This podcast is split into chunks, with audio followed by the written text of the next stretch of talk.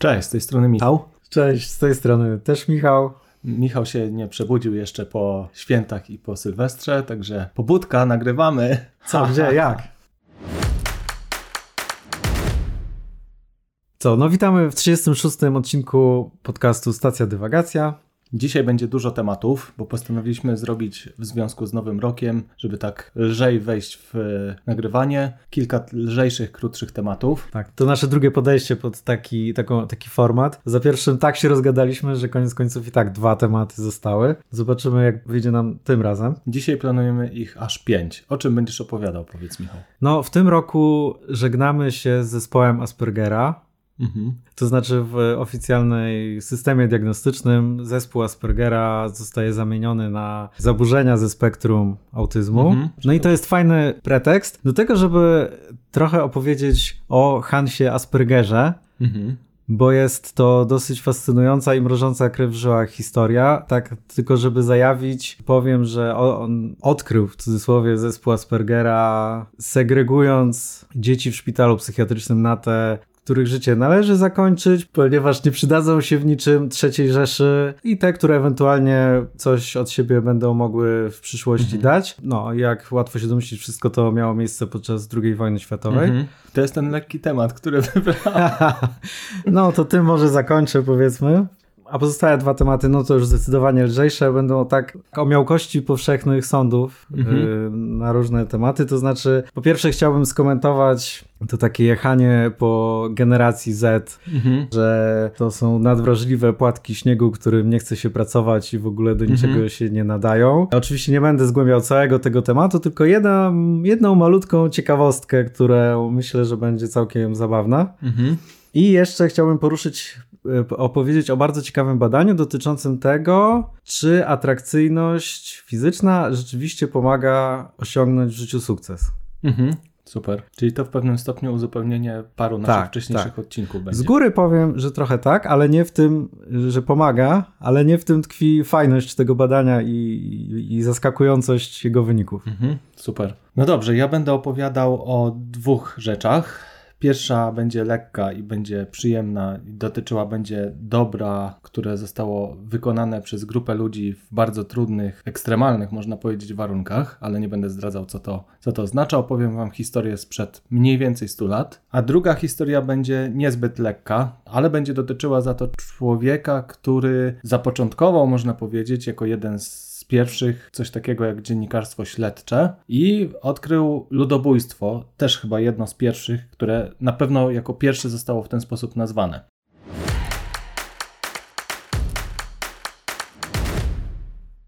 Dobra, to ja zacznę od tego tematu atrakcyjności jest takie odwieczna zagwozdka, na ile atrakcyjność fizyczna danej osoby mhm. ma wpływ na jej jakby sukces w życiu i że jest jej ogólnie łatwiej. Mhm. I mam wrażenie, że jest dosyć powszechny taki stereotyp, że kobiety często robią karierę jadąc, że tak powiem, na urodzie. Mhm. W takim sensie, że no łatwiej jest atrakcyjnym kobietom oczarować klientów, mhm, przełożonych i, i, i, no tak, i tak, tak dalej. A mężczyźni nie? Bo też spotkałem się z takim mhm. sformułowaniem, że jak ktoś jest przystojny, to będzie miał łatwiej generalnie w zawodowym życiu. No tak, tak. No to na pewno myślę, że dotyczy to wszystkich.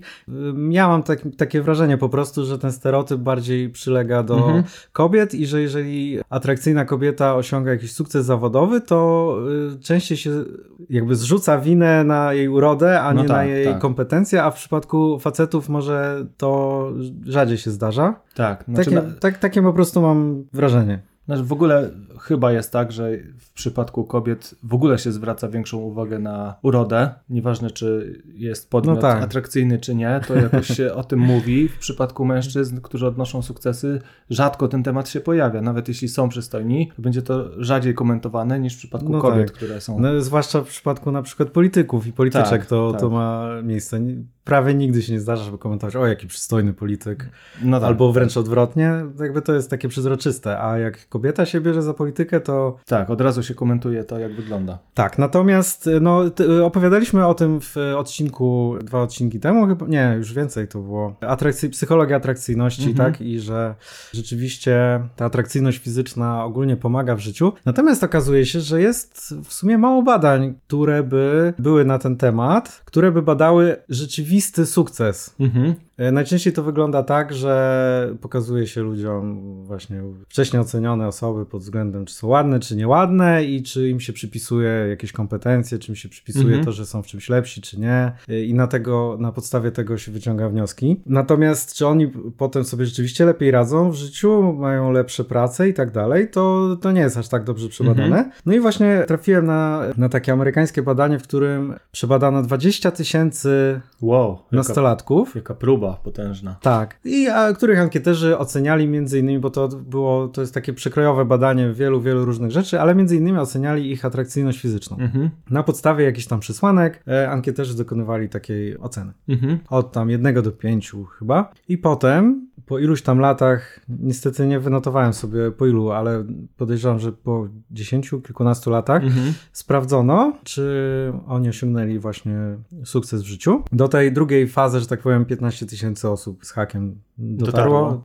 Y, kilka tysięcy się wy, wykruszyło z tego badania. No i tak, po pierwsze, co jest tutaj ciekawe, w jaki sposób stworzono miarę tego sukcesu. No. No bo to jest no tak, bo dosyć trudne, no nie? Ciężko tak obiektywnie powiedzieć, to jest sukces, a to nie jest. Tak, zwłaszcza, że to w bardzo dużym stopniu zależy od tego, z jakiego momentu się startuje. No tak. No bo jeżeli musiałeś, no nie wiem, przyjechać do, z, z małej miejscowości do dużej miejscowości, mhm. nikogo nie znając, nie mając jakiegoś wsparcia finansowego z, z, ze strony rodziców i, i, i musząc, że tak powiem, wspinać się po tej drabinie społecznej, no nie, to jeśli taka osoba dojdzie do jakiegoś tam poziomu, a druga osoba dojdzie do tego samego poziomu, ale wychowując się wśród, y, wiesz, znajomych rodziców z zawodu dyrektorów tak.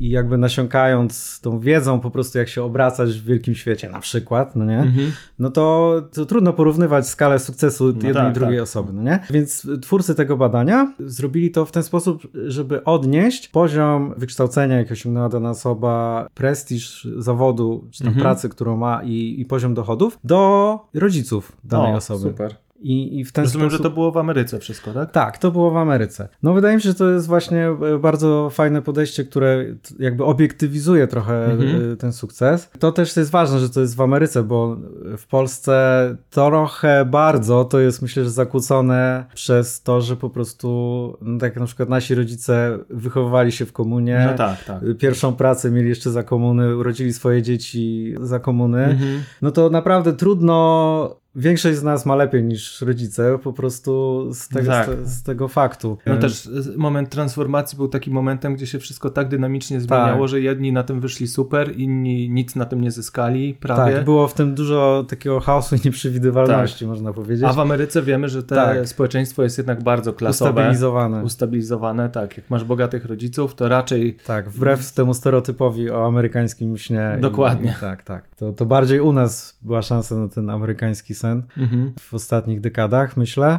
W pewnym sensie tak. Znane, znamy dużo takich historii, które. Znaczy, myślę, że więcej u nas było szans właśnie w okresie transformacji niż w tej Ameryce, która jest jednak tak ugruntowana w pewnych rzeczach i ciężko jest przeskoczyć, chociaż znane są oczywiście przypadki, głośno się o nich mówi, osób, które gdzieś tam mhm. się wybiły. No tak, ale też z drugiej strony właśnie to trudno tak porównywać, bo tam jest po prostu tyle pieniędzy mhm. na różne rzeczy i też jest tak dużo ludzi, że no na przykład jak jesteś, jeśli jesteś artystą, dużo łatwiej jest osiągnąć sukces w no Stanach, no tak, bo tam jest tak. po prostu więcej odbiorców i jest więcej pieniędzy mhm. na sztukę na przykład. Albo tak mhm. tak samo jest w badaniach mhm. naukowych. W Polsce to jest prawda. bardzo trudno osiągnąć sukces w badaniach naukowych, po prostu nie ma pieniędzy na to. Tak. Mhm. W porównaniu przynajmniej ze Stanami.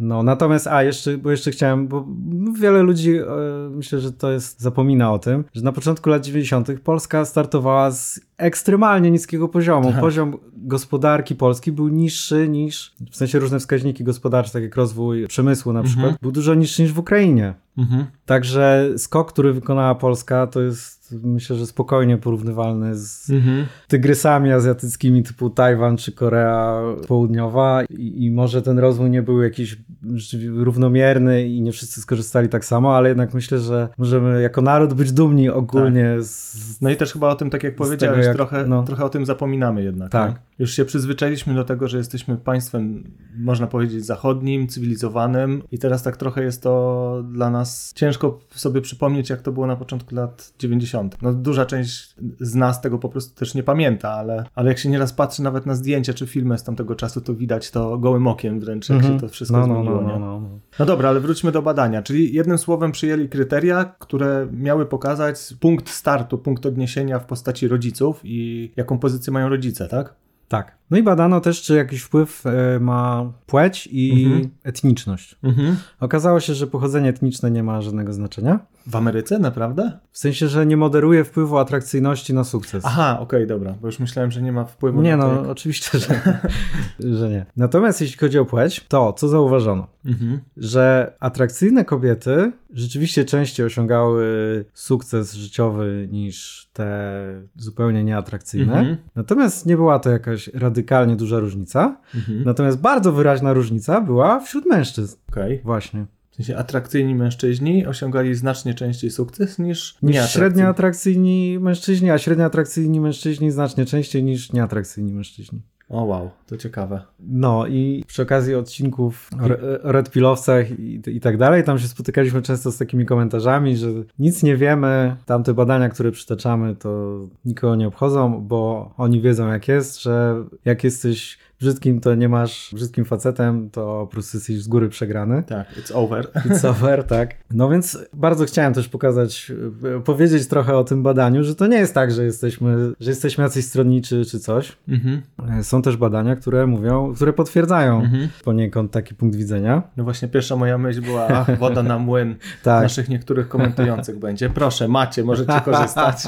E, no natomiast też przypomnę, że to, że atrakcyjność z tych badań wynika że atrakcyjność ma wpływ, mhm. to absolutnie nie oznacza, że to jest jedyna determinanta. No jasne, tak. To jest to, o czym też w komentarzach często pisaliśmy, że to nie jest tak, że zawsze, wszyscy, nikt, nigdy. Nie można takich sformułowań robić w stosunku do tego, ponieważ w badaniach też pewnie było ileś osób, które były nieatrakcyjne, a odniosły no tak. sukces i na odwrót. I też nie? oczywiście nie y, można wyciągać z tego wniosku, bo to też tak nie jest, że ta atrakcyjność ma większy wpływ niż mhm. Y, inteligencja. Niż no, inteligencja też jest bardzo przyceniana, bardziej mhm. już prędzej inteligencja emocjonalna. Mhm jak sobie radzimy ze stresem i tak dalej. Pracowitość. Pracowitość, zwykłe szczęście, no mhm. i też oczywiście y, pochodzenie, to warunki, w jakich wzrastaliśmy. Mhm, mhm. No ale dobra, jakąś masz teorię tutaj, czemu tak jest? Czemu u mężczyzn taka jest diametralna różnica, a u kobiet nie? w takich sytuacjach zawsze sięgam do badania i co mhm. mają na ten temat sami naukowcy, którzy doszli do tych wniosków, jakie mają, jaka jest ich opinia. Mhm. Niestety ci nie pokusili się o swoją mhm. opinię. Moja teoria jest taka, że w przypadku kobiet bardziej się zwraca uwagę na tą mhm. E, urodę i bardziej właśnie i częściej deprecjonuje się kompetencje takiej osoby, mhm uwypuklając to, że jak jest atrakcyjna, to jest jej we wszystkim łatwiej. Mhm. Natomiast w przypadku mężczyzn, to, że ich uroda sprawia, że inni ludzie są wobec nich łagodniejsi, bardziej otwarci, chętnie się z nimi zgadzają i tak dalej, i tak mhm. dalej, to to się zrzuca na karp ich wysokich kompetencji a, czyli następuje taki efekt pomnożenia tego, tak. jacy rzeczywiście są przez to i taki dostają boost, można powiedzieć, dzięki temu do tego, do swoich kompetencji, który często jest nieuprawniony w zasadzie, tak? Tak, a w przypadku kobiet stosunkowo często wydaje mi się, że jest właśnie odwrotnie, że mhm. a jak ona jest ładna, to nie może być mądra, nie? No właśnie, to chciałem też powiedzieć, że trafiłem swego czasu na takie sformułowania, już nie pamiętam, czy to było w jakichś badaniach, czy w jakichś artykułach, że w niektórych sytuacjach um, osobom atrakcyjnym jest łatwiej, albo inaczej, do pewnego poziomu. Mhm. Powiedzmy, patrząc na świat korporacyjny, do poziomu gdzieś tam poniżej zarządu danej korporacji. Mhm. Natomiast powyżej atrakcyjność może być właśnie utrudnieniem z tego mhm. powodu, że po pierwsze, całe otoczenie zazwyczaj nie jest już atrakcyjne, bo często są tam osoby starsze, które mhm. no, przepracowały całe życie i to się na nich odbija i niekoniecznie są już ładnie wyglądającymi osobami, ale po drugie też jest takie zestawienie często, że ktoś jest jak, jak ktoś jest ładny, to znaczy, że jest głupi, że te, taka niezbyt mądra ślicznotka i ten przystojniak, tępy przystojniak. Mhm. Taki stereotyp, nie? Mhm i że to podobno gdzieś tam do pewnego poziomu pomaga, ale powyżej pewnego poziomu już jest bardzo trudno i wręcz przeszkadza to w drugą stronę. Patrzy się mhm. przez pryzmat tej atrakcyjności, a nie przez pryzmat rzeczywistych kompetencji na tę osobę, nie? No ale w tym badaniu, jak rozumiem, odnoszono się do punktu startu, który był różny dla tych osób, więc ciężko powiedzieć, żeby sukcesem zawsze był tam zarząd korporacji. No, zdecydowanie tak. No właśnie, ale jeszcze powiedz mi w takim razie, jak względem tego, tych rodziców się to ma, ta uroda? Czy to było jakoś w tym badaniu powiedziane? Czy na przykład to, że ktoś jest atrakcyjny, bardziej wpływa pozytywnie na osoby, które startują z wyższego czy z niższego poziomu, czy nie ma to zupełnie znaczenia? Te dane nie były udostępnione i, i, i nie były brane pod uwagę. Mhm. Szkoda, bo ciekaw jestem, czy na przykład osobom, które są już na jakimś poziomie mhm. uroda pomaga bardziej, a tym, które startują z jakiegoś niższego poziomu mniej, no ale tu nie będziemy gdybać. No to niestety to już kwestia następnej tury tych badań. Mhm. Okej, okay, ale rozumiem, że w przypadku kobiet to zjawisko też występuje, tylko jest mniej nasilone. To znaczy, ludziom ładnym jest łatwiej i tak, tak. ogólnie można powiedzieć. Tak.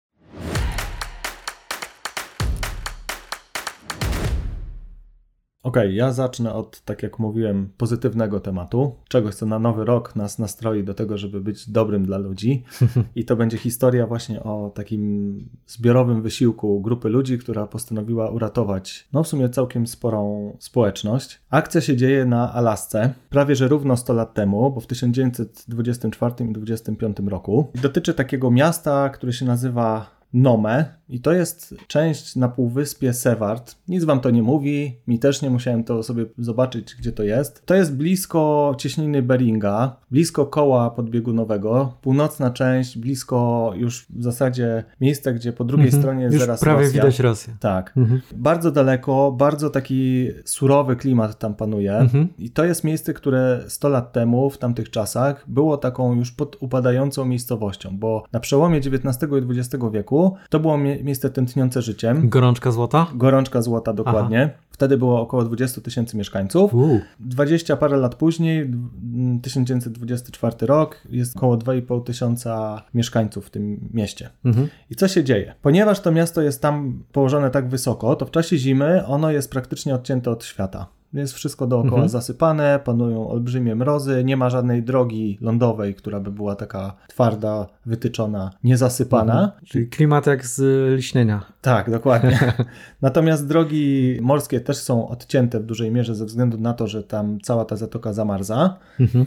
No i droga lotnicza również, ponieważ w tamtych czasach, 100 lat temu, samoloty w takich warunkach no tak. mogły czasem dolecieć, ale najczęściej. Ale równie dobrze mogły nie dolecieć. Mogły nie dolecieć, a też warunki często były takie niesprzyjające, czyli mocne wiatry albo jakieś mhm. śnieżyce olbrzymie i one sobie wtedy z tym nie radziły.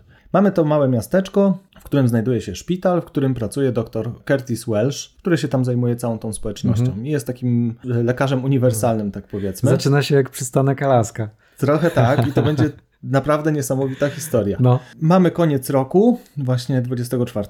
Kilka miesięcy wcześniej lekarz zauważył, że nie ma dobrej antytoksyny na błonnicę. Bonica to jest taka choroba bakteryjna, mhm. na którą dzisiaj już kompletnie w cywilizowanych krajach się nie choruje, bo są na nią szczepionki i nie występuje praktycznie, która atakowała płuca? Mm, różne miejsca. Ona też skórę atakowała, no A, taka okay. dosyć ciężka mhm. choroba. Takie specyficzne wybroczyny się robiły, ale też jakieś obrzęki, płuca i tak dalej. No całościowo rozkładała człowieka. Atakowała też dzieci. No i na to był, było już lekarstwo, ale ono musiało być e, dobre i lekarz zauważył, że mają mm, zapas tej antytoksyny, ale ona jest przeterminowana. To znaczy, mhm. już się zbliża jej koniec terminu ważności, więc tam postanowił zamówić nową partię. No ale niestety to już był taki moment, w którym nie mogła ta partia dotrzeć przed zimą. Grudzień się pojawia i w, z pobliskiej małej wioski zgłosiła się do lekarza rodzina Eskimosów z dzieckiem małym, dwuletnim chłopcem, który właśnie miał coś tutaj w okolicach szyi, coś mu się działo. Mhm. No i ten doktor zdiagnozował, że to jest zapalenie migdałków, pomylił się.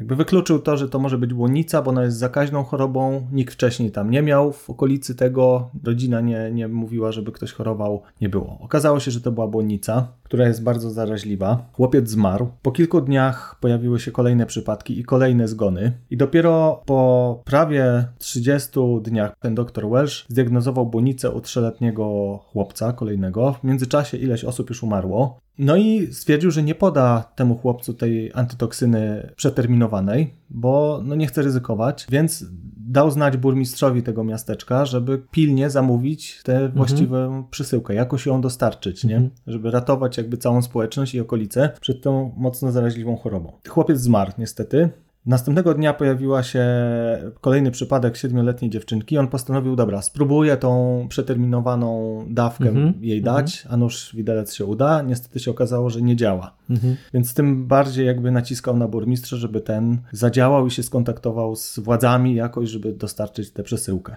Burmistrz oczywiście szybko się skontaktował telegraficznie z władzami mhm. większego miasta, Anchorage, to jest takie bardziej znane mhm. miasto na Alasce, kilkaset kilometrów dalej, gdzie oznajmił, że że będzie potrzebna bardzo duża partia tych, tej antytoksyny mm, dostarczona, no bo mają, e, zaczyna się robić epidemia, epidemia no. nie? No i też ostrzegł w ogóle, powiedział, żeby ostrzegli wszystkie miasta mhm. na Alasce o tym, mhm. że gdzieś tam wybuchła może no tak. być źródło jeszcze w innych miastach. E, Żeby zamknęli wrota do miast, nie wpuszczali tak, tak, wędrowców. Dokładnie, dokładnie tak. No i tam gubernator no. Alaski no. poruszył wszystko, do Waszyngtonu się odezwał. No, no. Partia tej antytoksyny została przez jakieś służby wysłana szybko tego samego dnia czy następnego dnia z Waszyngtonu do, na Alaskę lotniczo, mhm. ale do tego miasta, które było na południe bardziej położone. W międzyczasie w mieście wprowadzono kwarantannę, oczywiście tam szereg środków, ale ludzie chorowali dalej, pojawiało się coraz więcej przypadków. Kolejne osoby się znalazły w grupie podejrzanych, więc jakby dramatyczna sytuacja. Miasteczko odcięte od świata,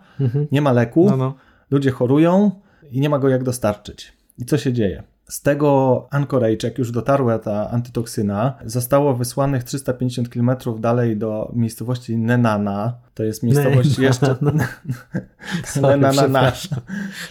I ona stamtąd miała trafić do tego Nome, jednak no. jakby problemem znowu był transport, bo ta miejscowość była na granicy takiej jakby ostrej już zimy mhm. i nie było z niej drogi bezpośrednio do tego Nome, mhm. już naprawdę daleko na północ. Na dodatek lekarze powiedzieli, że ta antytoksyna ma takie właściwości, że w takich warunkach ona przetrwa maksymalnie tydzień, czyli trzeba szybko to zorganizować, żeby ludziom to podać, żeby można ich jakby uleczyć tych chorych i zatrzymać jakby tą całą epidemię. Mhm. Więc potrzebne było jakieś rozwiązanie. Zgłoszono się do marynarki wojennej, ona odmówiła, powiedziała, że tam wszystko jest zamrożone, nie ma szans. Zgłoszono się do sił lotniczych, które mhm. kiełkowały w tym czasie, można powiedzieć, do no tak. lata 20, więc jeszcze nie było tych. Oni powiedzieli, że nie, no w takich warunkach nie ma szans, żeby tam dolecieć. No i w tym momencie pojawili się bohaterowie tej całej historii, a mianowicie maszerzy. Czy wiesz, Pierw, kto to... Pierwszy słyszę. Więc maszer to jest człowiek, który... Który maszeruje. Nie, człowiek, który prowadzi zaprzęg psi. A zaprzęg psi i najbardziej znany jakby maszer z okolicy, Leonard Seppala się nazywał, z pochodzenia Norweg bodajże, jeśli dobrze pamiętam, został poproszony o zorganizowanie przewozu jakoś tej antytoksyny właśnie mhm. przy pomocy psich zaprzęgów, gdzie oni się tam kontaktowali telegraficznie z mniejszymi mhm. jakimiś osadami po drodze, które były. Wszystko odcięte od świata jakby mhm. no, przez śnieżycę, śnieg. Mhm. Ile to kilometrów? Kilometrów łącznie było do pokonania około tysiąca. Wow. I trzeba było to zrobić w czasie poniżej tygodnia żeby Aha. to zadziałało. Więc wyobraź sobie pokonać 1000 kilometrów, zima. Jeszcze no. tu trzeba powiedzieć, jaka to jest zima, bo to nie jest taka zima jak u jak nas. U nas. No, no. Tylko tam przeciętnie temperatury oscylują w, w okolicach minus 30, minus 40 stopni, a są momenty, w których spadają do minus 50 kilku stopni nawet. Więc oczywiście wszystko jest zasypane śniegiem kilkumetrowym i to nie jest tak, że to sobie, że jest minus 5 no i sobie tak. można tak tam z pieskami pojechać na saniach, nie? No, no i 1000 kilometrów. I tysiąc kilometrów z Warszawy do, do Madrytu, nie wiem. Nie, nie, z, z, Warszawy do Madrytu to jest 2,5. No jak z... A, przesadziłem. Z Warszawy... Do Paryża? No nie wiem, jak z Polski do Chorwacji, o mniej więcej, no, taka, no, no. taka trasa. W takich warunkach. No więc on zorganizował grupę kilkunastu maszerów, każdy z psimi zaprzęgami. No i ruszył ten transport. Jak tylko wyruszył z tego miasta, to lokalna prasa nadała informację o tym, że tak to zostało zorganizowane, że jest transport tej antytoksyny, leku do odciętej mhm. od świata miejscowości. No i oczywiście to się zrobiło wielkie halo wokół tego i zostało to nazwane wszystko i tak dzisiaj tę historię się do dzisiaj ją nazywa Wielki Wyścig Miłosierdzia. Wow. Czyli chodziło o właśnie to, żeby dostarczyć ten, ten lek no. Do tej miejscowości i że to jest takie dobro i ryzykowanie, ryzyko tych, no. tych maszerów i psów przede wszystkim, które też tam brały udział w tym. Przeciętnie każdy z tych zaprzęgów, ich było mm, łącznie powyżej, jakoś koło 20 mniej więcej. Mhm. One przy, pokonywały dystans około 30, 40, 50 kilometrów tak średnio. Warunki na trasie się oczywiście zmieniały, więc e, pierwszy maszer, który wyruszył, pokonał dystans 84 km, ale przypłacił to ostrymi odmrożeniami. Dwa psy mu padły. I się okazało, że są za trudne te warunki mhm. dla, dla tych zwierząt na tak długą trasę, więc skrócono szybko, mhm. podjęto decyzję, zagęszczono jakby tę trasę. Mhm. No i sobie ten pakunek drogocenny przekazywali i mhm. jechali dalej, nie? A to też nieźle, że wszędzie tam po drodze byli ci ludzie z zaprzęgami. No, myślę, że gdzieś tam wcześniej być może też musieli dojechać, tak żeby się A, dogadać. Tam też była taka historia, że po drodze można było przejechać na przykład przez taką mniejszą zatoczkę, która była zamrożona mhm. teoretycznie, ale bano się, że się tam może załamać w którymś mhm. miejscu, bo były takie wypadki, więc Maszer postanowił objechać ją górami. Po drodze w ogóle są góry jeszcze, więc trzeba było się przebić przez góry. Temperatura, tak jak mówiłem, minus 30, minus 40, ale w którymś momencie doszło do jakiejś burzy i zamieci śnieżnej, mhm. gdzie zanotowano temperaturę minus 59 stopni, więc to tam jeszcze skróciło i utrudniło pracę jednego z mhm, y, mhm. kilku tam ekip, które po drodze były. Psy padały na potęgę, no bo to był taki wysiłek, że one leciały gdzieś tam w nocy przez kilka godzin i no część niestety przypłaciła to życiem ci maszerzy też często płacili za to odmrożeniami. Nikt nie umarł po drodze na szczęście. No i oczywiście Oczywiście udało im się, to trzeba powiedzieć. Przebyli łącznie 1085 km i zajęło im to 127 godzin i 30 minut, czyli to jest mniej więcej 5,5 dnia. No. Także przed czasem, przed terminem tej przydatności tej, mhm. tej antytoksyny w tych warunkach, ona została dostarczona, mhm. ta epidemia rozwijająca się została zahamowana, osoby, które były już zakażone zostały wyleczone. 150 psów łącznie brało udział w tej trasie, mhm. bo taki zaprzęg liczy od tam mniej więcej 6 do 10 nawet psów. I to były oczywiście e, husky przede wszystkim i malamuty. Mhm. To są te, te psy, które ten. No i jeden z, ten e, organizator jakby tej, tej, tego przejazdu, który koordynował to wszystko, on dostarczał na koniec prawie, że on przebył w ogóle najdłuższą trasę, bo przejechał prawie 150 km, bo się okazało po drodze, że tam był jakiś problem z jednym z maszerów, który mhm. nie dotarł, coś się tam wydarzyło i musiał przejechać taki ekstra długi odcinek i mu się udało na koniec, takim rzutem na taśmę. Pies, który... Boże, jakie to jak y, to jest po prostu scenariusz na film no. hollywoodzki, tam nawet nie trzeba by dużo zmieniać. Nie, nie, nie bo, trzeba by. E... Bo to jest po prostu taki już kiczowaty wyciskacz western. Więc... No i weź pod uwagę, że to się wszystko działo no. przez pięć dni i w tym czasie prasa na pierwszych stronach no. gazet mówiła głównie o tym. No to był jakby news w Stanach numer jeden, bo relacjonowali no. gdzie są, tam lokalni jacyś dziennikarze telegraficznie nadawali informacje i to była wielka, wiesz, wielka informacja. No dzisiaj pewnie byłoby inaczej, byśmy mieli w dobie mediów no tak, społecznościowych tak, tak. zupełnie inne, inną sytuację, ale podejrzewam, że też byłby to mega news nawet w dzisiejszych warunkach, no. nie, że coś takiego się dzieje. Natomiast... Nie no, jakby mówię ci, jakby ktoś napisał scenariusz do filmu taki, to, to, to, to, to były opinie, że kicz... Że szmirowaty i tak. nie, nieprawdziwy. No. Także taką historię chciałem wam pokazać. Chciałem wam opowiedzieć na początek roku, która ma w sobie coś pięknego. Grupa ludzi postanowiła uratować inną grupę ludzi i udało im się. Mhm. Poczynili olbrzymi wysiłek. A to mi, Michał lubi coś takie historie. Bo przypominam, był, polecam odcinek e, opłacalność, e, wiara kontra religia i opłacalność dobra, chyba 18. I jeszcze jednej wyprawie opowiadałeś na tratwach. Tam, tak, e, tak, ale to akurat to w odcinku nie, o głupocie. Niekoniecznie dobra była nie no. motywacja no, tego badacza. No to przywódcy tego rejsu tak, motywacja tak. była niedobra, ale załoga A stanęła tak, na wysokości zadania. No wiesz, piękne są historie, gdzie ludzie potrafią ze sobą współpracować i osiągają coś wielkiego, więc zawsze będę będę chciał takie opowiadać, a jeszcze jak są tak filmowe jak ta, no to, no to w ogóle.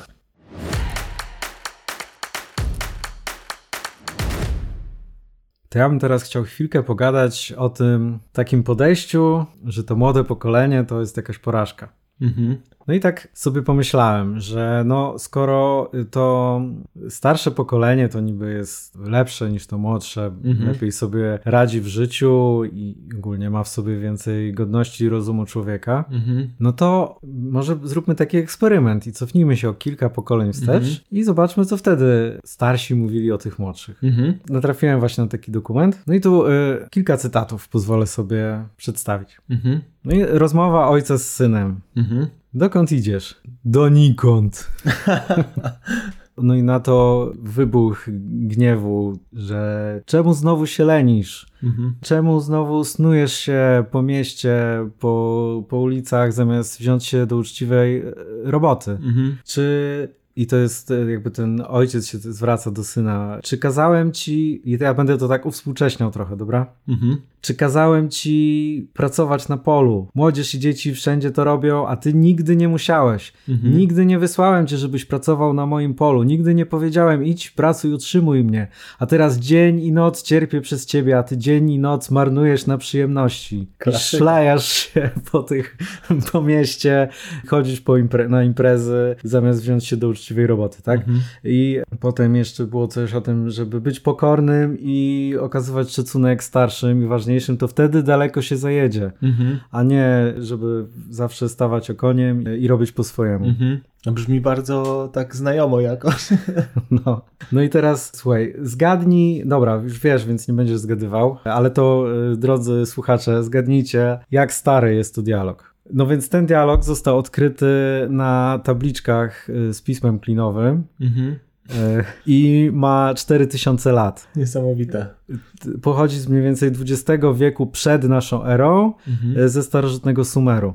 Mhm. I to były takie zapiski, to się nazywa Skryba i jego zepsuty syn. Doskonała nazwa. No. Tak, bo skrybowie to była taka, tak można powiedzieć na, na dzisiaj taka klasa średnia. Mhm. Znaczy nie musieli właśnie pracować na polu, tylko gdzieś tam u, u bogatych ludzi spisywali tam jakieś dokumenty, mhm. wysyłali w ich imieniu listy i tak dalej. Taka można powiedzieć ówczesna praca biurowa trochę. Tak, tak, tak, taki mhm. urzędnik biurowy, mhm. dokładnie. No i znalazłem to, tą historię na blogu Wojciecha Ornickiego i on to tak e, skomentował, że złota era, gdy synowie okazywali szacunek ojcom i, i, i starszym i powielali ich system wartości, jeszcze nie nadeszło. No, no ni, znaczy nigdy jej nie było, bo no tak, nawet tak, jak tak. się będziemy cofać o pokolenie o pokolenie, możemy dojść 4000 lat wstecz i będzie dokładnie tak no samo. Tak, tak. W ogóle jak e, mówiłeś ten dialog, to ja sobie zacząłem wyobrażać, jak mówi to w Dniu Świra główny tak, bohater do swojego tak. syna, to idealnie pasowało. No i jeszcze to jest takie fajne zdanie. Ten skryba pisze, y, że ten jego syn nigdy nie osiągnie Namlulu. Namlulu to... W sumeryjskim. W sumeryjskim. Szczerze mówiąc, nie wiem, czy to jest sumeryjski. W ogóle to taka dygresja z tym pismem klinowym to jest super skomplikowana sprawa, bo to nie jest tak, że w tym piśmie klinowym był zapisywany jeden język, mhm. tylko to było mnóstwo różnych języków na przestrzeni wieków. Mhm. No i teraz strasznie trudno jest to odczytać z tego powodu, bo... No tak, no w sumie współcześnie no. też mamy no tak, no, alfabetem łacińskim literki tak. do wielu różnych języków, więc jakby tak skasować te języki stamtąd, to też ktoś, kto by zupełnie z zewnątrz to wziął, miałby problemy, tak. nie? Więc teraz przed nami w ogóle rewolucja archeologiczna, można powiedzieć, ponieważ do odczytania tych e, wszystkich starożytnych tabliczek, które były wydobyte, zaprzęgnięto sztuczną inteligencję, która w końcu ma taką moc e, obliczeniową, że jest w stanie odszyfrować, odszyfrować tak. Wow. No ale koniec dygresji. Nigdy nie osiągniesz namlulu, a namlulu w tamtym języku oznaczało abstrakcyjne określenie człowieka, mhm. czyli człowieczeństwo. Czyli nie zostaniesz nigdy prawdziwym, porządnym człowiekiem. Nie, inaczej się mówi po polsku i nigdy nie wyjdziesz na ludzi. A tak, faktycznie. To samo. No, nie wiem, czy twój tata tak mówił, ale Oczywiście. ja mówię tak. Myślę, że każdy z nas usłyszał kiedyś przynajmniej raz w życiu takie zdanie. No i kończąc ten temat, jeszcze chciałem jedną, mam jedną taką jeszcze refleksję. Może już to niekoniecznie a propos tego y, pokolenia Z, mhm. Który mam wrażenie wszyscy stawiają sobie za punkt honoru, żeby ich skrytykować. A mam wrażenie, że to tylko dlatego, bo my wszyscy harowaliśmy bez sensu. Dokładnie. Nadgodziny i tak dalej, bez jakiegoś szacunku dla, dla samego siebie. A oni w końcu jest to jakiś taki, oczywiście nie wszyscy, wiadomo, ale jest to jakiś taki pokoleniowy rys, że są w stanie być asertywni mhm. pod tym kątem. I mi się wydaje, że wszyscy po prostu im zazdroszczą. Chyba tak. Straciliśmy młodość na pracę po godzinach, a oni są dojrzalsi no. i potrafią z tym walczyć, nie? Tak, znaczy wiadomo, jakby praca po godzinach to nie, niekoniecznie jest coś złego, tak, są różne no, sytuacje, ale chodzi o takie bycie wykorzystywanym przez pracodawcę po no prostu. Tak, tak. Natomiast przez wiele lat jeszcze in, to starsze młode pokolenie było nagminnie krytykowane za rurki. Mhm. I, tak, to słynne i, zdanie pejoratywne, że ktoś tam w rurkach, tak? I to zawsze było takie, że w rurkach, czyli taki... E, no taki lamus, no lamus, po prostu no. nie można być e, prawdziwym facetem, jak się nosi spodnie tak. rurki. I w ogóle to był taki synonim jakiegoś takiego zepsucia i mhm. gorszości tych młodych ludzi, mhm. którzy e, noszą spodnie rurki. I ja sobie tak myślę, że Jakie prawo do krytykowania za coś takiego mają ludzie, w których pokoleniu, na przykład my jak byliśmy, chodziliśmy do liceum, to była moda, żeby się strzyc na tak bardzo krótko i farbować włosy na blond. Mhm. Bardzo męskie, prawda? No, albo, albo ta taka moda na odwrotność, czyli na mega szerokie spodnie, nie? Gdzie, Jeszcze noszone na połowie tyłka, nie? Tak, gdzie po prostu musisz sobie paskiem ściągnąć je w połowie tyłka, żeby nie spadły, chodzić z jakimiś takimi rozszerzonymi nogami. To prawda. No, no lenary same, nie? No. Pamiętasz nasze dzieciństwo, bo pojawiło się coś takiego jak lenary. No. Takie szerokie spodnie, ale ani one nie były takie skejtowe, szerokie, ani też nie były jakimiś normalnymi jeansami. Taki dziwny wytwór. Ktoś po prostu miał dużo jakiegoś materiału gdzieś, no postanowił tak, tak. taką modę. A niektórzy w ogóle, nie, nie wiem, nie stać ich było i po prostu kupowali za duże spodnie i jakoś się tam spinali tymi paskami, no nie? No. Bardzo męskie, bardzo po prostu y, można w tym było wykonywać dużo męskich czynności. Tak, tak, bo świadczyło to o wyższości wiadomo, nad kolejnym pokoleniem rurkowców, wiadomo. Tak, albo bo ja zrobiłem y, research y, w ogóle i rozmawiałem z swoim teściem i on zwrócił uwagę, że w jego czasach jak były dzwony modne, mhm. to one były tak szerokie, y, że chłopaki musieli nosić specjalne spinki, żeby spinać sobie spodnie, żeby móc jechać rowerem na przykład. No Super męskie, że musimy mieć specjalne spinki do nogawek, no nie? No tak, tak. Nie mówiąc o fryzurach typu, nie wiem, za naszych czasów to takie grzywki na mięciela. A tak, tak. To taki A teraz to wraca był. w ogóle. Nie wiem, czy wiesz, taki przedziałek na środku i na dwie strony. No. Mata na przykład ma taką fryzurę. A, no, no, albo, Ale... albo y, krótko z przodu, długo z tyłu tak, i wąsy. Tak, tak, no. No, albo jeszcze, a w, jeszcze starszym pokoleniu to jeszcze tacy starsi faceci już tacy łysiejący mieli takie, nie wiem, jak na, na filmach to widać, takie już łysiny i te, i te resztki włosów takie za uszy tak, wychodzące. Tak, tak. Jakieś zaczeski, nie? Zaczeski, no. no. Czy to było takie estetyczne, że że ludzie, którzy tak chodzili, mają prawo teraz krytykować e, ludzi, którzy mają jakiś inny pomysł na dziwną fryzurę? Kurde, no chyba nie. No zgadzam się, ale ciekaw jestem właśnie, czy ktoś zbadał gdzieś, dlaczego taka krytyka w ogóle nam przychodzi do głowy. Dlaczego tak koniecznie chcemy pokazać tych młodszych w złym świetle, a nie starszych właśnie. No nie wiem, czy pamiętasz, no my jesteśmy z pokolenia milenialsów, czyli tuż przed zetkami można powiedzieć. No, jesteśmy z drugiej. No, w granicach pokolenia milenialsów jesteśmy. No tak, tylko my jesteśmy z jakichś pierwszych roczników, tak, albo w ogóle tak. pierwszego. No nie pierwszego to nie, ale z jednych z pierwszych, tak. No. Natomiast no też było tak za czasów naszych studenckich, że się mówiło o milenialsach i też było to samo. Nie pracują, nie chcą pracować, siedzą w internecie, tracą czas na tamto, siamto, nie? I jakieś takie różne dziwne teorie na ten temat były głoszone. No jakoś to pokolenie teraz ma największą siłę nabywczą, najlepiej sobie radzi, względem nawet starszych pokoleń jest największe i też wszystkie przewidywania dotyczące na przykład gospodarki mówią, że generacja Z za 5-7 lat już będzie mhm. jakby więcej nabywała, będzie więcej znaczyła w całej gospodarce niż milenialsi. No, no Więc... czy ich jest mniej w ogóle, znaczy przynajmniej w Polsce. Tak, ich jest trochę mniej, to Więc... prawda. Natomiast jakby ciekawe jest to, że tak, takie coś się włącza, żeby tak mhm. tak krytykować, bo... No tak, jestem... no, ale weź teraz pokolenie, które teraz y, rządzi światem, 60-latkowie, mhm. no to jak oni byli młodzi, to oni byli postrzegani już w ogóle jako no, to... absolutny upadek ludzkości, tak, lata 60, narkomanii. 70. tak. Nie? No tak, no, rewolucja no cała. Przecież to było starsze pokolenie, to ich wyrzucało z domów. Nawet nie tylko marudziło, tylko ich po no prostu tak, no tak. wydziedziczało, nie? Prawie, że.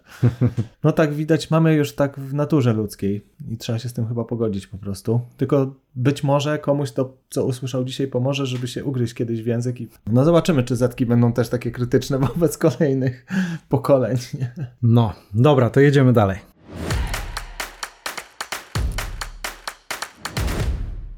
Dobra, to ja znowu się chcę cofnąć mniej więcej trochę ponad 100 lat i chciałbym opowiedzieć Wam historię, która jest jedną z pierwszych takich historii śledczych dziennikarskich, która odniosła sukces i e, szerokim echem się rozniosła i dotyczy z kolei czegoś, co nawet współcześnie jest niewielu osobom znane, mianowicie jednego z największych ludobójstw w historii ludzkości, tak trzeba wprost powiedzieć. Według różnych szacunków może być to nawet największe ludobójstwo. Na pewno w top 5 10 największych ludobójstw się to znajduje. A gdyby nie ta postać, o której chcę opowiedzieć, być może nikt by o tym w ogóle nie usłyszał, albo garstka ludzi, która by to zataiła. Najpierw muszę szybko zbudować kontekst tej, tej całej no historii. No właśnie, bo o co chodzi? Chodzi o historię Konga mhm. pod panowaniem nawet nie Belgii, tylko króla belgijskiego Leopolda II.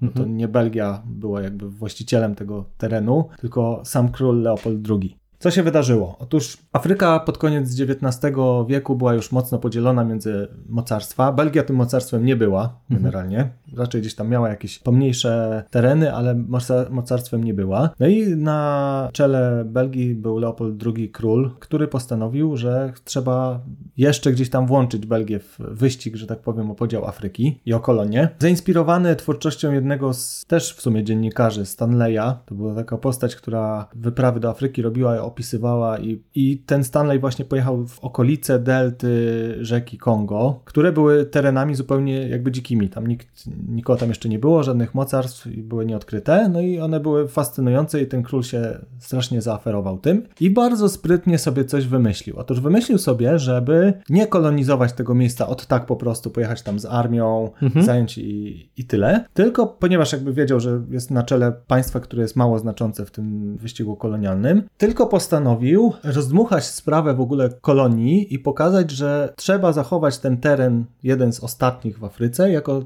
właśnie niezależny, suwerenny, żeby on był suwerennym pa państwem. Aha. I postanowił się podjąć tego działania wspaniałomyślnie. Za makiawelizm. Tak. Założył Międzynarodowe Stowarzyszenie no. Afrykańskie, taką organizację, no. żeby strzec jakby przed imperializmem wielkich mocarstw ten rejon Konga. Zaangażował w to znane różne osoby, różnych filantropów, polityków, poprzekonywał ich, zrobił taką polityczną całą kampanię wokół tego. I w 1884 roku rozpoczął się w Berlinie kongres, który miał właśnie na celu podział i dogadanie się w stosunku mhm. co do całej Afryki, jak ją podzielić między mocarstwa. Mhm. Belgia w ogóle by się na ten kongres nie dostała, gdyby nie Leopold, który tam pojechał, ponieważ miał, pojechał tam z projektem humanitarnym, żeby właśnie mhm. to Kongo było osobnym mhm. miejscem, które będzie chronione przez chciwością mocarstw i interesów tych hmm. mocarstw i żeby ono zostało jako takie niezależne. Wolne państwo Kongo, tak to w ogóle nazwał. Przekonywał różne osoby, obiecywał różne rzeczy Francuzom, Anglikom, mhm. Amerykanom. Amerykanie w ogóle bardzo mieli duże, kluczowe znaczenie do tego, żeby to Kongo uzyskało niepodległość. Tam naobiecywał różnym osobom, no i przyklepali mu to na tym kongresie berlińskim w 1885 roku, że, że jest to taki projekt, który ma no, piękną jest inicjatywą, mhm. żeby właśnie ten teren zachować.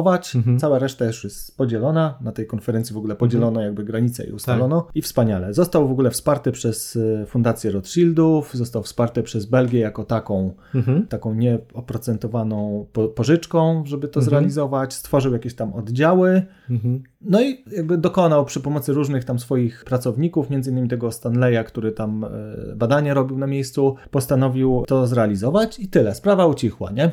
Mhm. Zniknęło jakby z zainteresowania. Leopold zrobił wspaniałą rzecz. Fragment Afryki jest chroniony, jest tam jakby przed mocarstwami. Mhm. Coś w rodzaju rezerwatu? Tak o taki, tym myślano? Tak o tym myślano, że to jest takie wolne państwo, mhm. które ma być kontrolowane przez Leopolda. On stoi na czele takiej organizacji, która chroni to mhm. i tak. No i jakby w idei tej w ogóle pojawiło się takie coś, żeby tam nie wpuszczać tych wielkich wszystkich mocarstw, ale też firm, które eksploatują Afrykę z surowców tak dalej, żeby to był reglamentowany dostęp do tego kraju, żeby były koncesje na działanie tam. Mhm. No i tak zostało to zrobione. Koncesje bezpośrednio dawał Leopold, król, mhm. i dostawały je tylko firmy, których on miał udziały. Taka mhm. była cecha tego. Wszystko jakby. Okay. Brak zaskoczenia po raz pierwszy. Tak. I tu się pojawia nasz bohater naszej historii, bo to było tylko wprowadzenie, Edmund no. Morel. Edmund Morel jest Francuzem, który w wieku 17 lat przenosi się do Anglii, zmienia nazwisko, w sensie zmienia na to Morel, wcześniej się nazywał inaczej, i podejmuje pracę w spółce, która się zajmuje transportem różnych surowców pomiędzy właśnie Afryką a Belgią, Anglią, Francją. Mhm. Taka transportowa spółka. I mhm. jemu przypada udział w pracy dla, na, na temat y, transportu właśnie z Belgii do przepraszam, z Konga do Belgii. Mhm.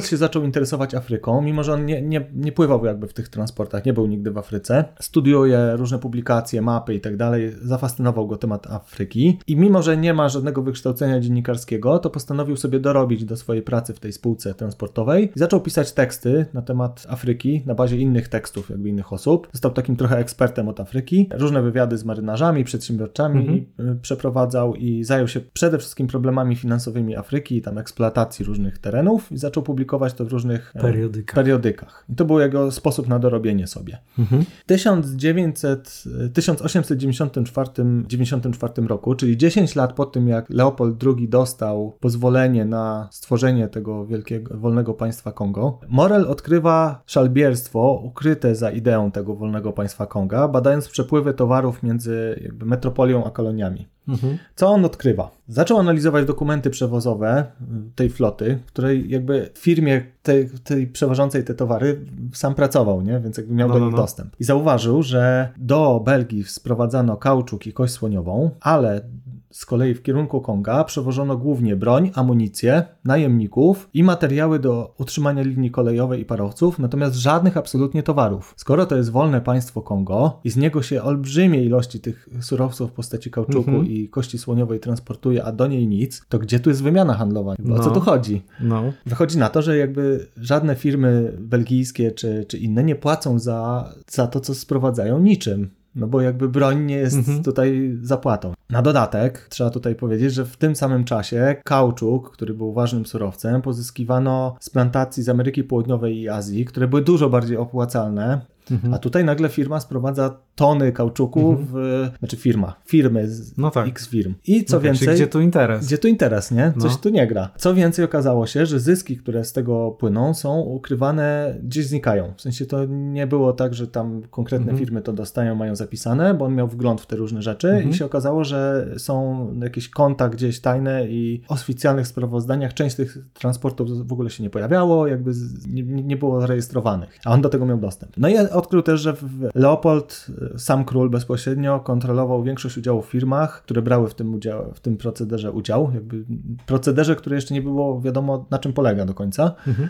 ale że tam Leopold jest w to za, zamieszany. W międzyczasie pojawia się szereg różnych osób, koniec XIX wieku, a to misjonarz z Anglii, który w New York Timesie publikuje informacje, oskarża Leopolda o tolerowanie niewolnictwa, o jakieś tam niecne praktyki, mhm który został wyśmiany i oskarżony o to, że jest niespełna rozumu. A to jest jakieś towarzystwo, które protestuje, bo dotarło też do informacji od jakichś zakonnic o tym, że coś się tam dzieje złego. Różne takie sygnały gdzieś tam są, się pojawiają, natomiast kraj jako taki jest otwarty tylko dla tych spółek. Równocześnie wszystkie inne firmy, które gdzieś próbowały tam się dostać i zacząć jakiś handel, są e, odbijane jakby od granicy, a osoby, które tam weszły, było kilku przedsiębiorców, znikają. I na przykład jest brytyjski przedsiębiorca, który został powieszony bez sądu za próbę handlu kością słoniową w Kongu. Gdzieś zostało coś oskarżone i go powiesili. Inny kupiec z Austrii, który próbował handlować kauczukiem poza tymi jakby mhm. korporacjami, został zamordowany, mimo że dostał jakieś tam pozwolenie i koncesję, został zamordowany. Więc jakby znikają osoby, które mogą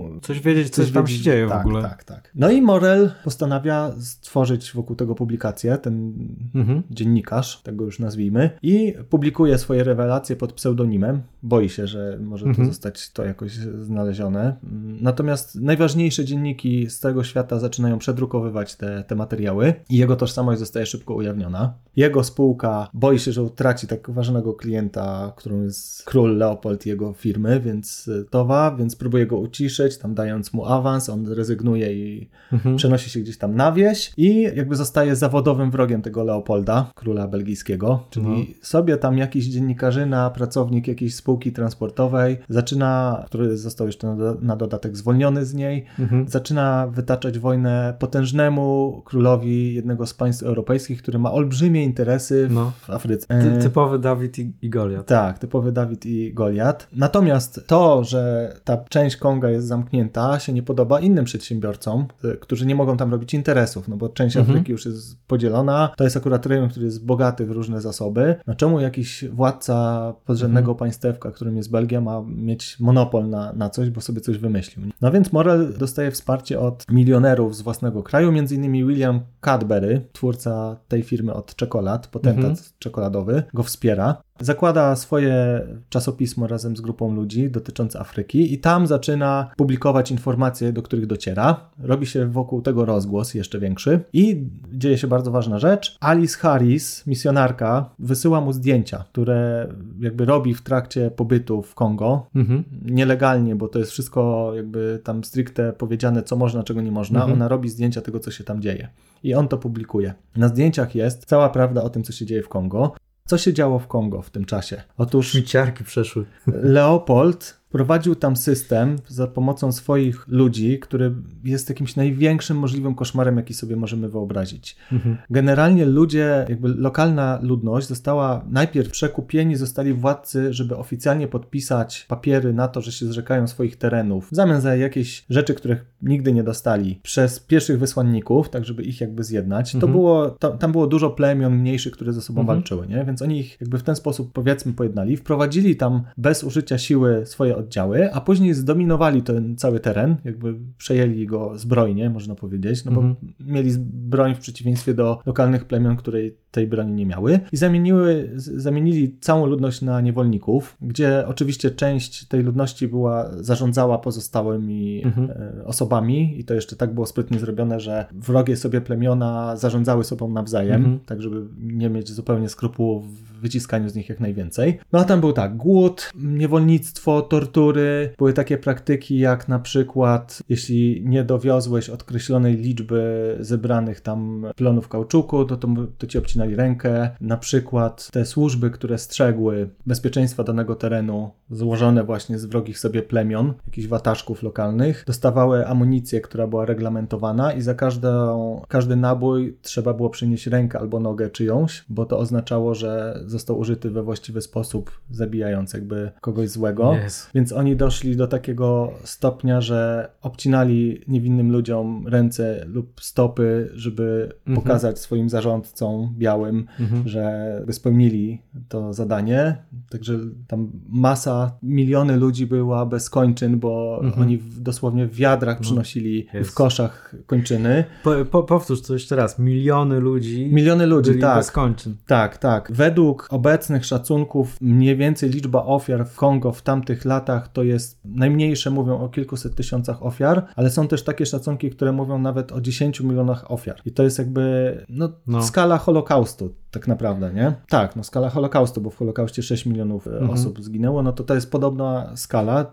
Natomiast ponieważ to było wszystko tak zamknięte, to do dzisiaj nie jest w mhm. stanie żaden naukowiec jasno stwierdzić, ile osób tak. tam zginęło. No i Morel wydał w 1903 roku broszury i książki tytuły są bardzo znamienne. Potworności Konga jedna się nazywała, a druga Kongijskie Państwo Niewolnicze. No i rozmuchał tę całą historię. Zaczęło -hmm, się, mm -hmm. zaczęło to przenikać do prasy. Właśnie te osobistości przemysłowe i przedsiębiorcy z innych krajów zaczęli się burzyć, oni mieli siłę przebicia i ostatecznie angielska izba gospodarcza zmusiła Izbę Gmin do zajęcia się tym problemem i ponieważ nie chcieli jakby bazować na, do, na relacjach jednego człowieka, właściciela jednej jakby mm -hmm. gazety na temat Afryki, to zlecili konsulowi brytyjskiemu sporządzenie raportu na temat sytuacji, co się dzieje w Kongo. No i on zrobił ten raport, no i on dopiero jakby ujawnił oficjalnie to, co się dzieje w tym Kongo. To wszystko było potwierdzone, co, co zebrał Morel i założyli Stowarzyszenie Reformatorów Konga. Na przykład Joseph Konrad był mhm. częścią tego stowarzyszenia, bo też, to jest taka ciekawostka, że Jądro Ciemności jest o Kongo, tylko że w mhm. tamtym czasie nikt nie brał tego jako książkę na temat stricte Konga, tylko to była taka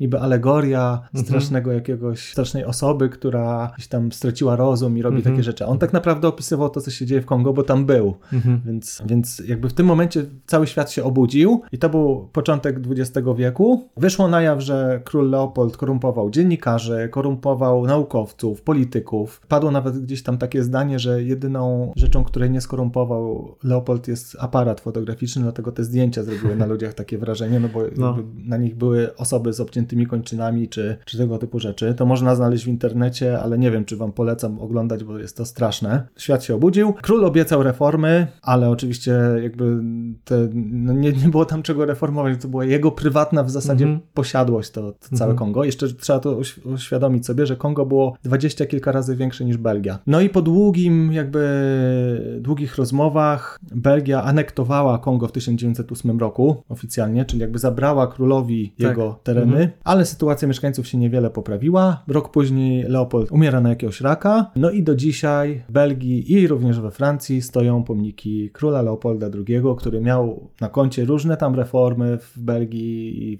był taką osobą, która była no, ceniona za jakby wkład kulturalny. Natomiast z osób, które zostały skazane, to jeden z zarządców, który osobiście zabił prawie 130 osób, dostał 5 lat więzienia i to było wszystko za te zbrodnie, za tych kilka milionów ofiar. Dlatego, że dosłownie mhm. kilka lat później wybuchła pierwsza wojna światowa i wszyscy zapomnieli no tak. o tym, że, że coś takiego jak Kongo miało miejsce. No, no a później pojawił się, znamy wszyscy no. historię tego, co robili naziści i to już zupełnie przyćmiło te historie. W Belgii stoją nadal w niektórych miastach e, pomniki Leopolda II. Są, część z nich była, jest demontowana, część jest obrzucana albo sprejowana z informacją, jaki to jest morderca. Niemniej jednak niewiele osób nadal wie o tym, jakiego skalu, ska, jaka skala zabójstwa, ludobójstwa miała miejsce. Ja wiedziałem o tym ludobójstwie, ale nie miałem zielonego pojęcia, jak ono było zorganizowane. I to, to jest dosyć niesamowite. My tak często myślimy, że kiedyś to ludzie to byli tacy bardziej okrutni mhm. i, i, tak dalej. A tu się okazuje, że no ludzie jako, że tak powiem, opinia publiczna w ogóle nie wiedzieli o tym. No tak, prawda? tak. I to też było ukrywane. Tak, tak, co więcej. Więc... Przez pierwszych 15 lat działania tego tworu, mniej więcej do 1901-1902 roku, kiedy Morel zaczął publikować te rzeczy, to Leopold Leopold na skalę globalną był uznawany jako wzór do naśladowania, mm -hmm. jako osoba, która jest naprawdę godna podziwu, władca, który jest jednocześnie wielkim filantropem, mm -hmm. który postanowił dać wolność w Afryce jakimś ludziom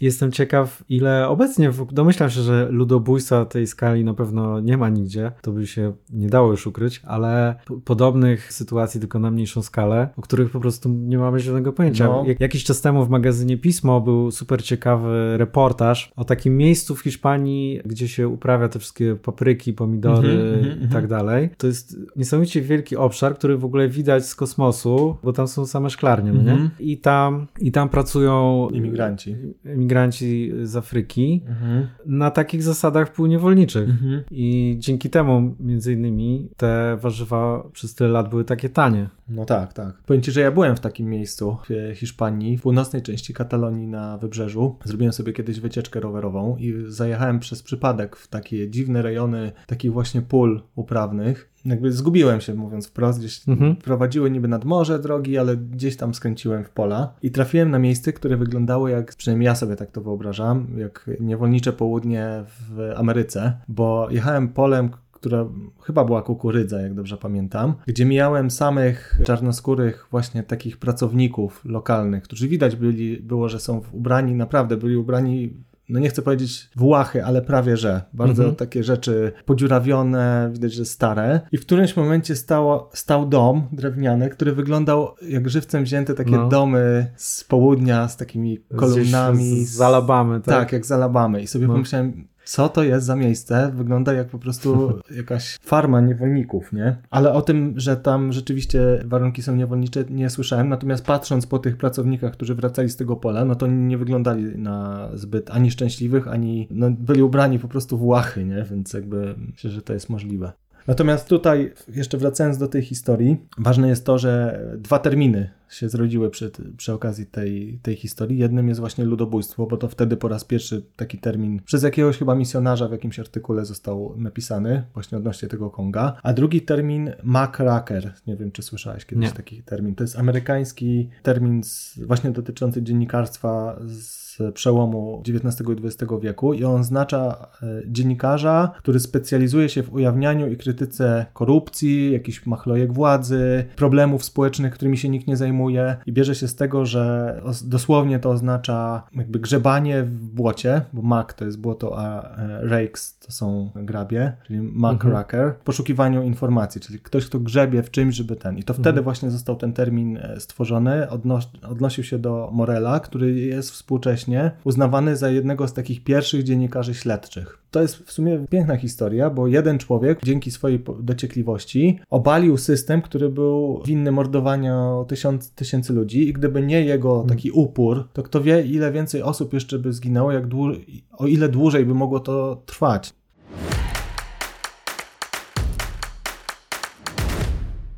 Okej, okay, to na końcu historia Hansa Aspergera i autyzmu. Mhm.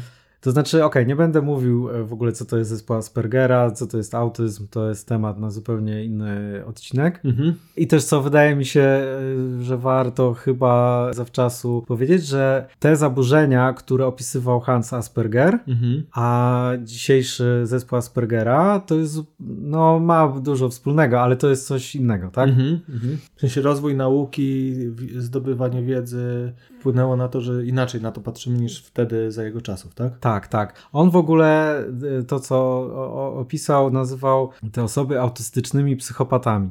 Aha. I termin zespół Aspergera wszedł do użycia dopiero po jego śmierci, mhm. w, tam w latach 70. chyba. Apogeum jego pracy naukowej przypadało na czasy nazizmu w Niemczech mhm. i w Austrii. I też wiele jego badań było przeprowadzonych podczas II wojny światowej. Mhm. I po wojnie on podtrzymywał taką historię na swój temat, mhm. że on nigdy nie wstąpił do NSDAP, mhm. nie miał nic wspólnego z y, nazizmem. Co więcej, był kimś w rodzaju Schindlera dla mhm. e, osób, dla dzieci, dzieci z szpitali psychiatrycznych i ratował je przed, przed śmiercią. Mhm. Co nie było do końca zgodne z prawdą. No tak, ale to dopiero wyniknęło po jego śmierci. Różni badacze zaczęli się dokopywać do różnych źródeł historycznych, mhm. materiałów i tak dalej. Powstała taka książka Edith Schaeffer, Dzieci Aspergera, mhm. ale jest, jest kilka książek na ten temat, różnych. No i ogólnie wynika, wynika z tej historii to, że owszem nie należał do NSDAP, ale kilku innych prominentnych e, stowarzyszeń e, nazistowskich. Mhm. No i jeśli uratował jakieś dzieci, to w sumie przed samym sobą, ponieważ to on był osobą, która no de facto je skazywała na śmierć. Mhm. Brzmi to dosyć enigmatycznie, już opowiadam o co chodzi, bo on był ekspertem od psychiatrii dziecięcej, mhm. tak? I on był, on był tą osobą, która decydowała, czy dzieci z jakimiś tam zaburzeniami, porażeniem mózgowym, różnymi zaburzeniami mhm. rozwojowymi, chorobami psychicznymi i tak dalej. I on był osobą, która je dzieliła na takie, które rokują, rokują i na takie, które były wysyłane do takich specjalnych ośrodków. Taki ten najsłynniejszy nazywał się Spiegelgrund, to było w Wiedniu bodajże. Mhm. I i one tam jako po prostu, no jako zakała rasy aryjskiej były eksterminowane. Mhm. Tak, chciałem powiedzieć poddawane eutanazji, ale to jest zupełnie co innego. No tak. Bo, no nie muszę chyba tłumaczyć, tak? Mhm. W tym e, ośrodku Spiegelgrund zginęło około 800 dzieci. Mhm. Sam Hans Asperger podpisał wyrok dla kilkudziesięciu z nich. Mhm. W tym dużą część z nich stanowiły dzieci autystyczne właśnie, mhm. mimo tego, co on twierdził, że je ratował. A, a czemu? Bo potrzebne mu były ich mózgi, żeby je no, pokroić i zbadać, Aha, co tam się tak? dzieje. Tak. No, prokurował sobie w ten sposób pomocy naukowej, no można tak, tak. powiedzieć. Tak. Specyficznie rozumiana chęć ratowania, jak później mówił o tym. No tak. Znaczy, no ja się nie dziwię, że nigdy w życiu nie chciał się przyznać do tego, co robił. Natomiast no, to jest mocno przerażające. Mhm. Co do samego zespołu Aspergera, to on zauważył, że część z tych dzieci, które on diagnozował jako autystyczne, które miały, nie potrafiły nawiązać relacji społecznych mhm. z, z, opiekunami czy z innymi dziećmi, no miały obniżoną zdolność uczenia się, wyrażania emocji i, i tak dalej. Cały czas mówię o ówczesnym stanie wiedzy, no tak? jasne, jasne. O, o, zauważył, że niektóre z nich e, chętnie się angażują w takie zabawy wynikające, wymagające sortowania różnych rzeczy, mhm. liczenia. A, liczenia, tak, analizowania jakichś takich problemów natury mhm. właśnie jakby matematycznej mhm. i że one się bardzo w to jakby wkręcają i, i są w tym dobre. Mhm. No i stwierdził, że trzeciej Rzeszy przyszłości oni się przydadzą jako analitycy, tak. którzy, których łatwo kontrolować, mhm. bo jakby nie potrzebują żadnych innych rzeczy. Tak? Idealny trybik w dużej ma machinie. Tak, nie? tak. I stąd ten mit tak, ratowania autystycznych dzieci przed machiną utrzymywania mhm. czystości krwi, tak? Okej, okay, czyli on po prostu widział w nich potencjał dobrych pracowników w przyszłości i, i dlatego je, ich nie wysyłał do takiego ośrodka. Tak? tak. Jak rozumiem, te badania, które on prowadził na mhm. tych mózgach, które pozyskał, to zostały przez niego opisane i stąd jakby później zostało to wyróżnione jako zespół Aspergera, bo częściowo bazowano na tej wiedzy, którą on zdobył, tak? Na podstawie tych badań. no tak, no niestety nie da się ukryć, że dużo wniósł do zrozumienia natury mhm. tego zaburzenia. Najpierw został nazwany ten zespół jego imieniem, a dopiero później po latach zostało stwierdzone przez historyków, jaką on sam był postacią, nie? No bo rozumiem, że... Tak, tak, tak. W latach 70. jeszcze nie wiedziano tego. Jeszcze uznawano tak. go za e, wspaniałego naukowca i wielkiego tak, człowieka. Tak, za autorytet który... o mhm. nieposzlakowanej moralności. Mhm. No i teraz to, co mówiłem we wstępie, że od tego roku w Polsce zmienia się ten system mhm. diagnostyczny na ICD-11. W wielu krajach już wprowadzono, w sensie już zrezygnowano z diagnozowania oddzielnie y, zespołu Aspergera, mhm. autyzmu dziecięcego, autyzmu atypowego. Takie były jednostki i w tym momencie po prostu używa się już tylko jednostki zaburzenia ze spektrum autyzmu. Mhm. Czyli spektrum popularnie nazywane, tak? Tak, tak, tak tak. No ponieważ e, poprzez dekady badań, obserwacji i tak dalej, naukowcy doszli do wniosku, że to jest... Tylko jedno tak. zaburzenie, które ma różne po prostu swoje odmiany, czy tam spektrum właśnie. Właśnie spektrum, tak. mhm. tak. No i super, super, że ta, ta zmiana została wprowadzona. Po pierwsze to jest bliższe rzeczywistości ten nowy podział, gdzie nie ma podziału. Mhm. Też jak już ktoś wie, kim był Hans Asperger, to no trochę słabo mieć no. Bo to też, y, to nie jest y, takie zaburzenie jak, w sensie to, to nie jest coś jak, że masz jakąś chorobę, tylko to jest y, coś, co jest głęboko jednak stanowi o tożsamości danej mhm. osoby, przynajmniej w wielu przypadkach tak jest. Niektórzy o sobie mówili, że tak, że są, mają, są aspergerowcami na przykład, mhm. no to no tak, nie jest brzmi, fajnie mieć... Aspergerowiec tak. w tym kontekście brzmi co najmniej niebezpiecznie. E, no a po trzecie, co mm, być może to jest w sumie najważniejsze, to że przez ten taki podział y, to utrzymywał się taki stereotyp, że osoby ze zdiagnozowanym zespołem Aspergera to mają jakąś lżejszą formę tak. autyzmu mhm. i też jest to, te problemy z jakimi się borykają były trochę tak jakby deprecjonowane, mhm. że to, ja sam tak kiedyś miałem, jak się nie interesowałem tym tematem, miałem, tak mi się wydawało, że zespół Aspergera to po a, prostu, to takie tam... że ktoś tam się nie, nie potrafi tak. skupić coś do, tam, nie? Dogadać, komunikować jakoś w jasny sposób. Mhm. Tego tak typu... jest e, trochę trudniejsze dziecko, nie? Ale nie, tak, tak. nie jakieś tam... Tymczasem jest zasadnicza różnica pomiędzy osobami ze spektrum autyzmu, które jednocześnie mają opóźnienie umysłowe albo go nie mają, mhm. ale to jest zupełnie jakby inna kwestia. Natomiast na samym spektrum właściwie nie, mo nie, nie można mówić o tym, że ktoś jest wysoko albo nisko funkcjonującym, bo tak mhm. się mówi, że zespół Aspergera to ci wysoko funkcjonują funkcjonujący mm -hmm. autystycy. Tymczasem często jest e, tak, że dla osób z zewnątrz może się wydawać, że ktoś jest e, dobrze sobie radzi w pracy i tak dalej. Natomiast e, przychodzi taki moment na przykład, tak, że jest dużo różnych stresujących sytuacji, mhm. dużo bodźców, ktoś jest głodny, Mhm. I nagle po prostu się tak odłącza i nagle nie potrafi się na niczym skupić mhm. i był wysoko funkcjonującą osobą z autyzmem i nagle jest... Nagle nisko, nie jest. Nagle nie jest sekundy no. na sekundę. No, no tak, I, tak. No, no, to, no dobra, nie ma, nie ma co teraz się na tym rozwodzić. Ja bardzo bym chciał w ogóle nagrać oddzielny odcinek na ten temat, bo to jest bardzo ciekawa i fascynujący, fascynująca sprawa, ale no na dzisiaj to mhm. temat Hansa Aspergera chyba już zakończę. Super. Ja mam tylko jeszcze taką jedną obserwację, że też w tym temacie mam chęć nagrania odcinka na temat lekarzy nazistowskich i myślę, że w niedługim czasie to się wydarzy, bo jest więcej takich przypadków jak dr Asperger i to w ogóle jak lekarze podchodzili do nauki.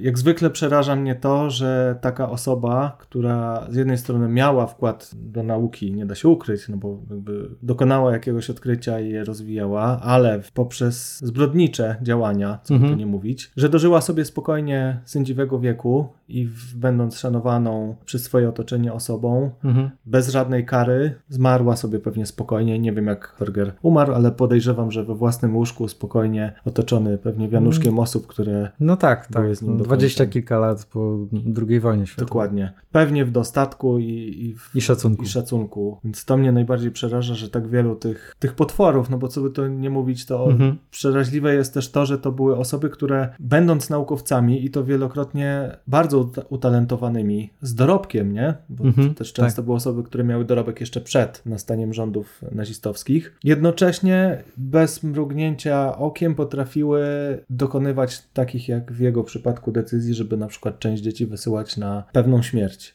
I to jest przerażające, że ludzie z tak światłymi umysłami potrafili się zachować w tak nieludzki sposób.